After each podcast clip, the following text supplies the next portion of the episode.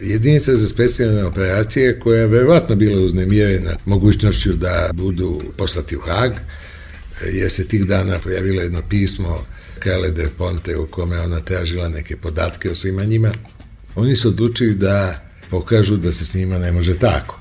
I onda su sa 24 hamera izašli na autoput, zatvorili tu traku autoputa, bili su naružani dugim cevima, do duše duge cevi su bile u hamerima i ispostavili svoje zahteve. Ti su zahtevi bili čisto politički zahtevi. Oni su tražili da se smeni jedan član vlade, ministar unutrašnjih poslova e, Dušan Mihajlović, i tražili su da se smene njihove starešine.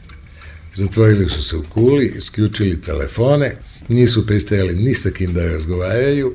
Kad im je naređeno da smesta obustave tu pobunu, oni nisu zato hteli ni da čuju, ni hteli ni da razgovaraju sa njihovim tadašnjim starešinama. Povukli su svoje ljudi iz obezbeđenja ličnosti, povukli su svoje ljudi iz obezbeđenja aerodroma Beograd i počeli da daju izjave koje su pokazivale da oni prete državnim udarom u slučaju da njihovi zahtevi ne budu ispunjeni. Imate tu, mi smo citirali jednu izjavu koju je objavio svedok Lečićevu, u kojoj on kaže ovi moraju da daju ostavke, mi ćemo ići do kraja, ako misle silom da nas zaustave, od toga nema ništa, tu će onda pasti krv i tako dalje. Dakle, to su bile najotvorenije petnje. Vi imate iz tog doba i izjave Gojana Petevića, Dušana Mihajlovića, Janjuševića, o tome da je se Đinđić kod njih raspitivo šta oni mogu da učine da prekinu tu pobunu. Pa oni škozali, pa teško da bi se iko tu sad usudio da uđe u sukob sa jedinstvom za specijalne operacije. On je kazao, pa šta ako ne dođe u vladu, izbacimo iz vlade i sve nas pohapse. Pa ništa, mi ne možemo tu ništa. I Đinđić je onda bio prinuđen u stvari da ode kako se to kaže, mečki na rupu i da pokuša da to nekako izgladi, taj sukob je postojao. Uspeli su da sačuvaju Dušana Mihajlovića na mestu ministra, ali su morali da smene Zorana Mijatovića i Gojana Petrovića koji je bio načelnik službe u to doba. To je, dakle, bila pobuna koja je uspela. I zbog tog uspeha te pobune, ona nikad nije bila procesuirana. Zoran Đinđić je odlučio i to imaju ti neki zapisnici sa sednica vlade iz kojih se to vidi, mi ih nismo ni uključili ovu prijavu, oni su objavljivani, da su na Zorana skakali svi članovi vlade da s mesta njih pohapsi, da se razoruža ta jedinica, da se rasformije i tako dalje. A Đinđić ih je hladio. On je shvatio da on nema načina da to radi. Nema s kim to da uradi. I da bi morao, i nije hteo javno da prizna svoju nemoć u tom trenutku, nego je zatvorio sednicu, i na toj zatvorenoj sednici, o čemu su posle svedočili ljudi koji su na njoj učestvovali, im objasnio da je to pojaz, da je pobuna uspela, da su oni nemoćni i da sad ostaje jedino da se temeljno pripreme na razne načine, prvo donošenjem zakona o specijalnom tužilaštvu, o svedoku saradniku, o specijalnom sudu, da nađu insajdera nekog, da prikupe neke dokaze, i da onda kad to sve bude obavljeno, pođu u obračun sa njima. To je se sve događalo od 2009. godine i trajalo je malo duže, uglavnom zato što je DSS obstavio donošenje tih zakona koji su svi bili potrebni. Kada je sve bilo na mestu, kad su ti zakoni doneti i kada se Pejić vratio iz Slovačke sa potpisanom izjavom svedoka saradnika, oni su to s mesta saznali iz svojih izvora u službi bezbednosti i ubili su ga. Posledica pobune neposredna, konkretna, bila je da je na čelo službe došao čovek koji je kasnije odgovarao za neprijavljivanje nekih od zločina, mislim da se odnosi baš na Stambolića, pripadnika JSO-a, Miloje Becanović. Na taj način vlada, dolaskom Becanovića, vlada je izgubila svaku kontrolu nad službom, Janjušević svedoči o tome da njihove izveštaje više niko nije ni čitao, znali su se to lažni izveštaji, a s druge strane jedinica specijalne operacije bila dnevno izveštavana pošto je Becanović rukovodio službom presuškivanja, dnevno je izveštavano o tome šta vlada radi i kako im se približava taj njihov sudnji dan. E sad kad znate da su pripadnici te službe organizovali ubistvo, pre svega mislim na Ulemeka, da je pripadnik službe mislim, on potpukovnik jedinice za specijalne operacije Zvezdan Jovanović bio taj koji je pucao na Zorana Đinđića i kad znate da je podatke o kretanju Đinđićevom u oči atentata davao jedan drugi pripadnik službe bezbednosti Bezarević, vi vidite kako je kobno bilo u stvari to što su Ulemek i Spasović uspeli da na čelo službe dovedu svog čoveka.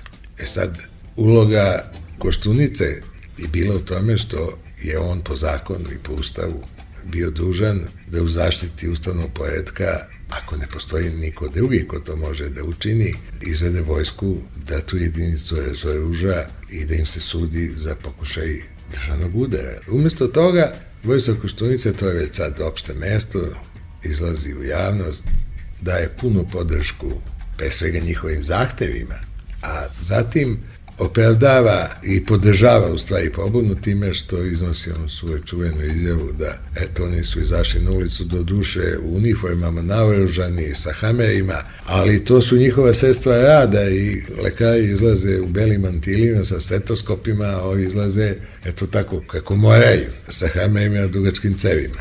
To je bila izjava koja je pružala očiglednu podršku pobunjenicima, dakle ne samo što on nije svoju obavezu ispunio ustavno i da uguši pobunu, on je pobunu stvari podržao. Ako znate da je tokom pobune ostvaren jedan neverovatan susret između Ace Tomića, koji je tad bio načelnik vojne službe bezbednosti, i tada već bivšega komandanta jedinice za specijalne operacije Ulemeka i jednog narkodilera Dušana Spasovića, koji nema nikakvog mesta u kabinetu načelnika vojne bezbednosti, i da je tom prilikom Ulemek koji je bio zabrinut upravo toga da će vojska intervenisati, jel? Možda se Koštunica pravio da mu to nije jasno, ali Ulemeku bilo potpuno jasno da bi tu bilo sad normalno da vojska interveniše. Pitao je tada Acu Tomića da li će vojska intervenisati, on mu je kazao da ne, ne, vojska su to neće mešati. Dakle, to je suština onoga najkreće rečeno čim se ova prijava bavi.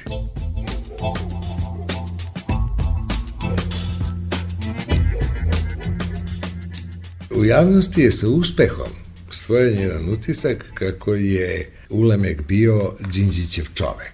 Tome su najviše doprinjeli sam Ulemek, koji išao okolo i hvalio se nekim svojim tobož specijalnim vezama sa Đinđićem i Demokratska stranka Srbije.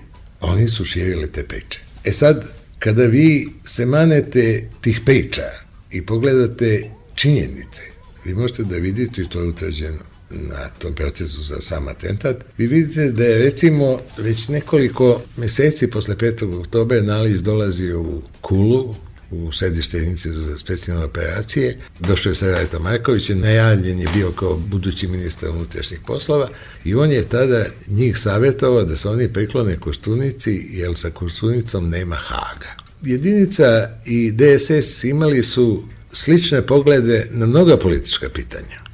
Jedno od osnovnih je verovatno odnos prema Hagu. Svima je poznato da je Vojislav Koštunica bio ogorečeni protivnik te saradnje, a pripadnici jedinice specijalne operacije su bili ozbiljni kandidati za taj Hag. Ali mimo toga, oni su imali nepodeljeno to neprijateljstvo prema Zoranu Đinđiću, naročito posle izručenja Slobodana Miloševića.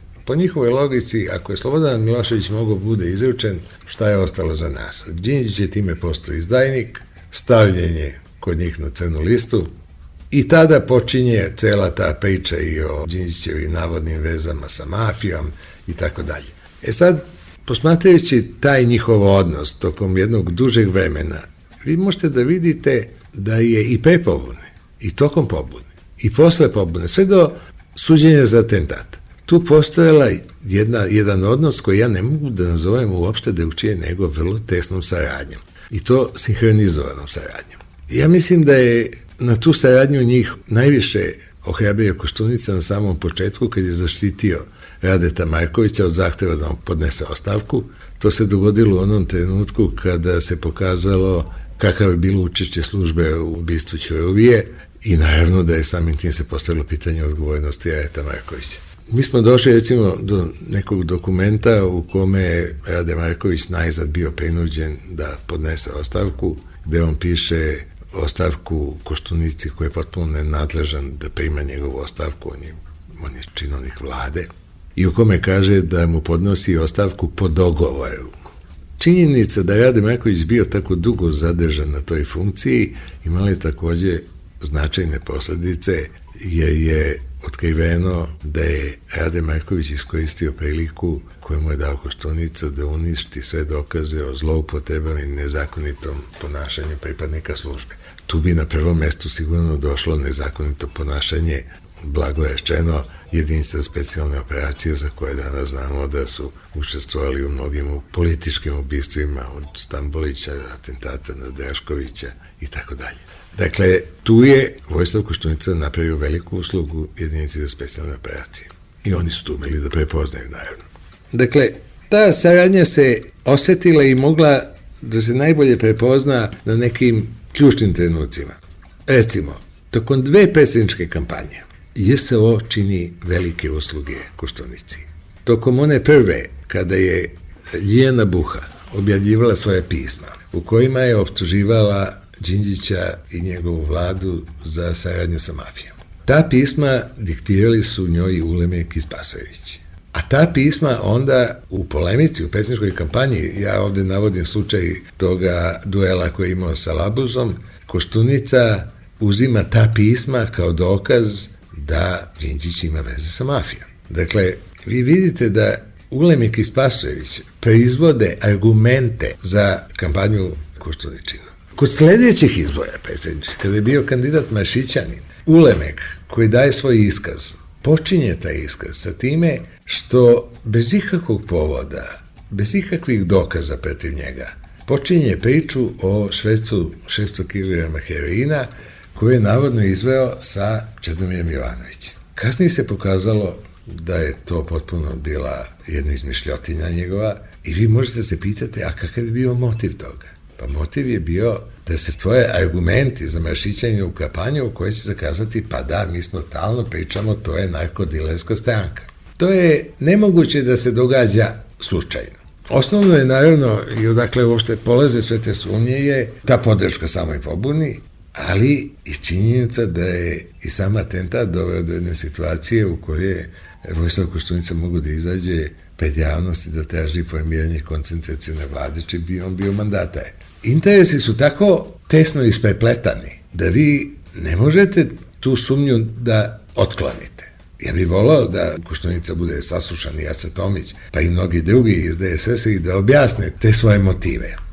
Uzvećeno im je na razne načine pre svega obstrukcijom samog suđenja, obstrukcijom donošenja tog zakonodavstva koje smo već pomenuli, ali takođe je obstruirano suđenje na najrazličitije načine. Odatle su poticale priče o trećem metku, odatle su poticane priče da je sve montirano, da specijalni sud treba bude ukinut, to je Očić mi govori da istega treba se vrati, celi istega za atenta da se vrati na sam početak, Izjave Stojkovića da nema nikakvog razloga za postojanje specijalnog suda, Miloševića da je optužnica staklenim nogama, Nalićeva, da je to montirani proces, da su ga montirali oni koji su ubili Zojana Đinđića, to je valda njegova vlada. Izjava Dejana Mihajlovića, ona je postala čuvena, da Živković i Tadić znaju ko je ubio Zojana Đinđića i da će a iako oni to ne kažu da će to kazati DSS. Dakle, to je jedna vrlo orkestrijana bila aktivnost čiji jedini cilj bio da se atentatori na Zvojena Đinđića zaštite. Ja se sad prisjećam ovako napametih raznih drugih slučajeva u kojima je bilo očigledno da tu postoji neka sinhronizovana akcija. Vi imate slučaj kada Zemunski klan, odnosno JSO, za mene to je jedna ista organizacija, ja tu ne pravim nikakvu razliku uopšte, bacaju bombu na sedište DSS-a, a onda, i to je utvrđeno na takozvanom suđenju u Zemunskom klanu, idu okolo i svima pečuju da to naruče Đinđić. Onda izlazi Koštunica sa izjavom da ne mora nešto naročito da se čovek trudi da dokazuje saradnju te vlasti, te vlade i samog Đinjića s mafijom, zar nije dovoljan dokaz bacanje bombe na DSS? Dakle, suviše je toga tu nagomilano da vi ne bi pomislili, pa čekajte, o čemu se radi, kakvi su to odnosi među njima. Kada Legija biva uhapšen, njega dočekuje odboj za doček, sastavljen isključivo od pripadnika DSS-a. Tu je Bulatović kao načelnik BIE, tu je Jočić kao ministar unutrašnjih poslova ima dokaze da i Stojković bio tome prisutan, Tijanić, i oni tada vode jedan razgovor nasamo sa Ulemekom, koji je dugo prikrivan i otkrio ga je Goran Radosavljević Guri, posle čega je nastala panika u DSS-u i pokušavalo se da se objasni zašto su njega dočekali i o čemu su pričali i kako su smeli to da urade kad po zakonu i on mora biti smesta odveden u centralni zatvor. I tu su dolazile sad najneverovatnije objašnjenja za to od te kao kabinet Miloševića gde se odigrao taj sastanak je jedino sigurno mesto centralni zatvor ne radi noću, što je budalaština, on je opasan čovek, pa sad još moje lično ga dočeka, pošto on je opasan čovek. I svi mogu da se sete da je oko toga nastao jedno veliko zaprepašćenje i jedno očekivanje da se objasni to. To objašnjenje nije dolazilo nikako. Jočić je tvrdio to beznačajna stvar, da nije važno s kim se sastao, važno šta će da kaže, a to što će kaže, to je 600 kg heroina. Pošto o tome su i pričali, o čemu bi drugom pričali. I onda je tek na zahtev poverenika za informacije Šabića, najzad oni doneo neku službenu belešku koju je navodno sastavio tokom tog, ili neposredno posle tog sastanka. Odmah su svi skočili da je to neverovatno, da ministar ne piše nikom službene beleške. A i same izjave se videlo da on pokušava u toj takozvanoj službenoj beleci da opravda taj sastanak. LDP je podneo krivičnu prijavu da je ta službena beleška falsifikovana. Ja sam predlagao na sudu da se utvrdi kad je ona pisana putem veštačenja, što je moguće. I postupajući po toj prijavi, tužilac Jakovljević je počeo da preduzima određene radnje. Prve je bilo saslušanje Ulemekovo, o tome gde su se sastali, šta, o čemu su razgovarali.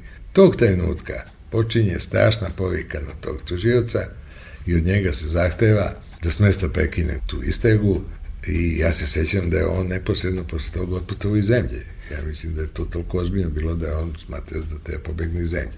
E sad, ja vam ovo govorim na pamet i savjetujem svakom da pažljivo prečita tih 25 tačaka u kojima se govori o tim odnosima, je tih podataka je bilo prosto suviše mnogo. Tokom same pobune, pesetnici su razgovori u kojima pobunjenici razgovaraju između sebe i govore o tome da ovo može da zaustavi samo Koštunica, što je bilo tačno, to je mogo da zaustavi samo Koštunica.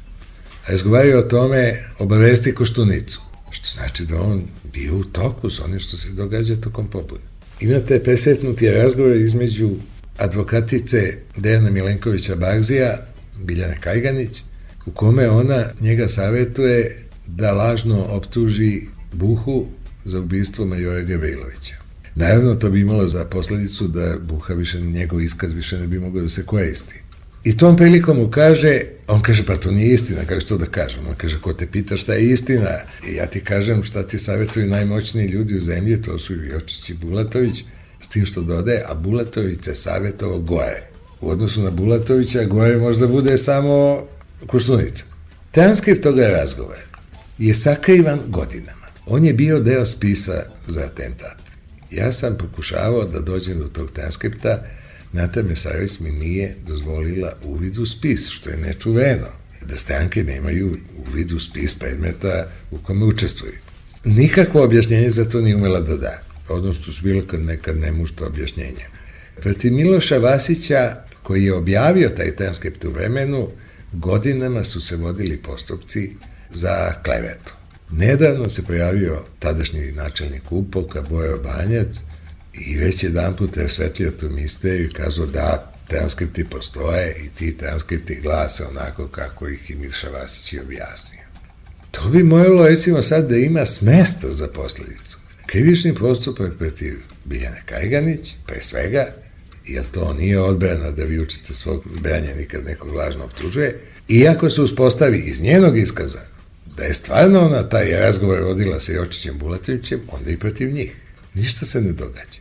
Tako da, to učešće Koštunicinu u svim tim događajima, ono, ono boda oči, ono moje da dobije neko objašnjenje. Kad me neko pita, ba, ti imaš dokaza da je Koštunica učestvovao u pobuni, da je učestvovao Ne, ja, ja samo kažem, Koštunica mora konačno da bude saslušana. Njegovo saslušanje je zaustavljeno u Sablji, na pritisak koji je dolazio od većine ambasadora zemalja zapadnih i o tome su nas obavestili paradoksalno Ljiljana Smajlović i Đorđe Mamula koji su likovali što je istraga stala pred vratima Koštuničini. Kad sam to pročitao, otprilike mogu i da shvatim te motive.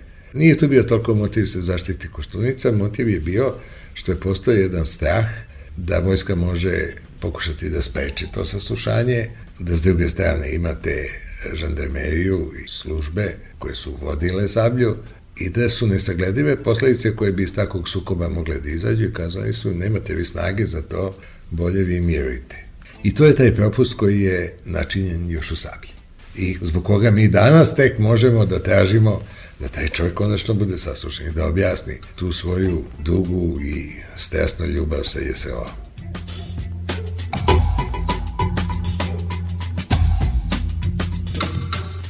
Nasupred svega toga, o čemu smo sad pričali, vi imate izjavu Vojsava Koštunice, nismo se mi brčkali u Šilerovoj. Pa ne zanima me ko se brčku u Šilerovoj.